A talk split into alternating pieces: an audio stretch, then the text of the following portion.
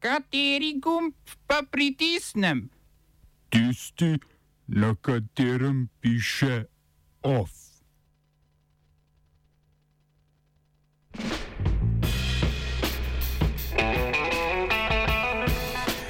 Izraelska vojska in palestinsko gibanje Hamas nadaljujeta obstreljevanje. Avstrijsko državno tožilstvo sprožilo preiskovalni postopek proti kanclerju Sebastianu Kurcu. Komisija za preprečevanje korupcije zaključila postopek zoper Tomaža Vesela. In v kulturnih novicah medved v pekarni.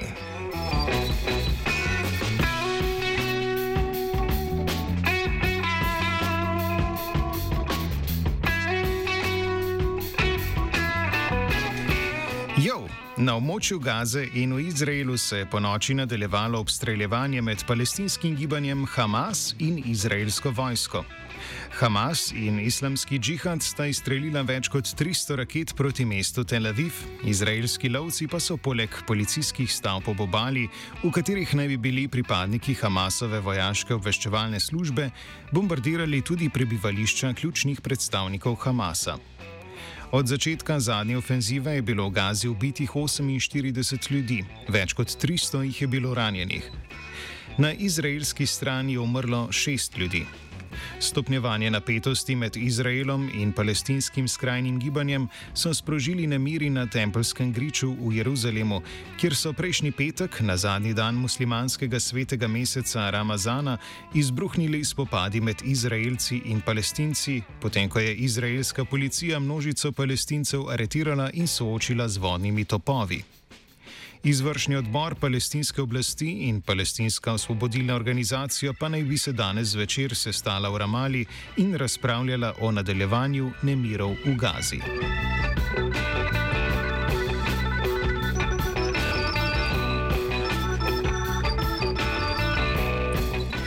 Raviri Vajtiti, so voditelj stranke Maori, je bil odslovljen iz dvorane novozelandskega parlamenta, potem ko je retoriko opozicije označil za rasistično in zaplesal slovesni ples Haka.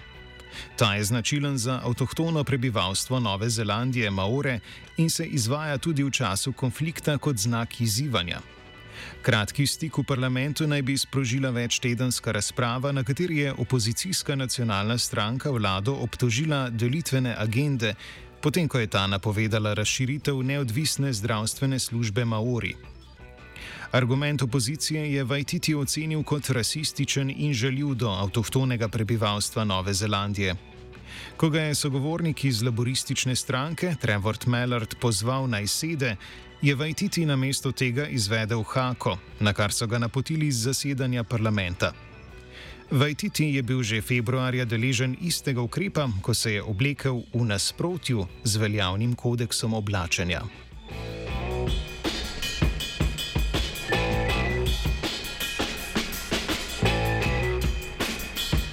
Britanska vlada je pripravila zakon o varnosti na spletu, s katerim bi denarno kaznovala družbena omrežja, če ne bodo dosledno odpravljala spletnih zlorab, kot sta diskriminacija in sovražni govor.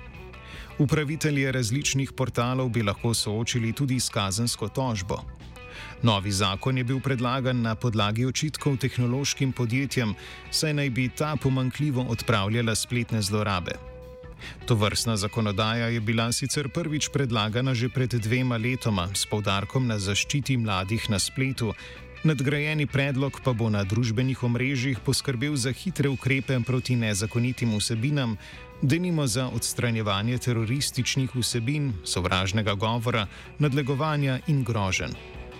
Podjetja, ki se novega zakona ne bi držala, bi lahko oglobili tudi v vrednosti do 20 milijonov evrov, ali pa uporabnikom blokirali dostop do njihovih portalov.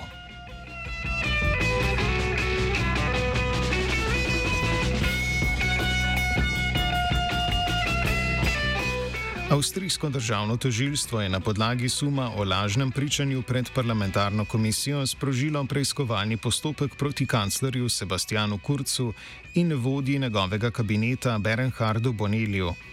Kurc je trditve zanikal ter izjavil, da se tožilstvo osredotoča na lažne izjave, ki sta jih o vodenju. Ki sta jih o vodenju stranke njegovega koalicijskega partnerja podala med parlamentarno preiskavo afere Ibica. Posledici afere sta bili propad prorektorja Heinza Kristjana Straheja in konec koalicijske vlade Kurca.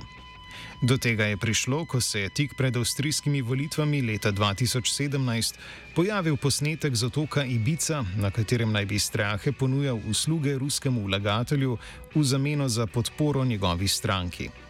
Kurc se strinja z zaslišanjem, če bi omenjeni primer šel pred sodnika.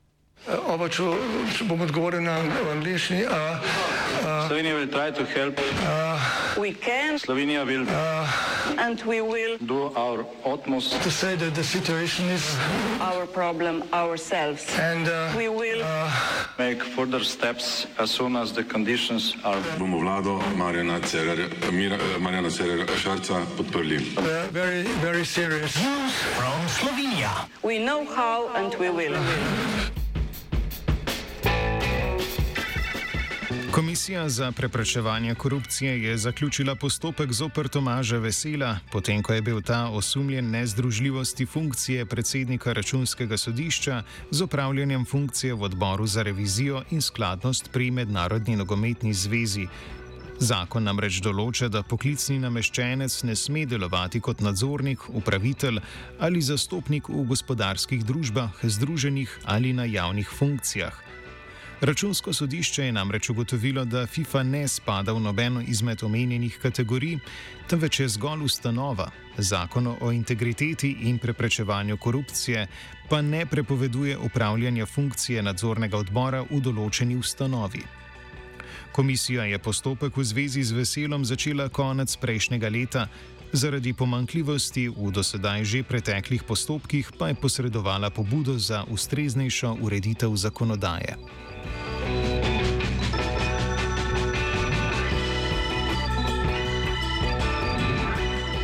Parlamentarni odbor za obrambo se je seznanil s predlogom dopolnjenega srednjeročnega obramnega programa države. Ta za petletno obdobje do leta 2023 predlaga nakup vojaške opreme za potrebe specialnih sil, kar vključuje transportno letalo in dva helikopterja. Postopek nabave letala bi začeli že letos, nabavo helikopterjev pa predvidoma do leta 2023. Močno potrebna vojaška oprema naj bi državo stala več deset milijonov evrov. Na podlagi sprejetega zakona o zagotavljanju sredstev za investicije v slovenski vojski naj bi nakup transportnega letala pomenil prioriteto. Po mnenju državnega sekretarja na Ministrstvu za obrambo Uroša Lampreta se zaradi svetovne varnosti in v sklopu povezovanja mednarodnih operacij povečuje potreba po večjih letalskih zmogljivostih Slovenije, zlasti v času epidemije. Ob njenem izbruhu lani se je letalski prevoz namreč izkazal za eno izmed glavnih težav pri zagotavljanju zaščitne opreme.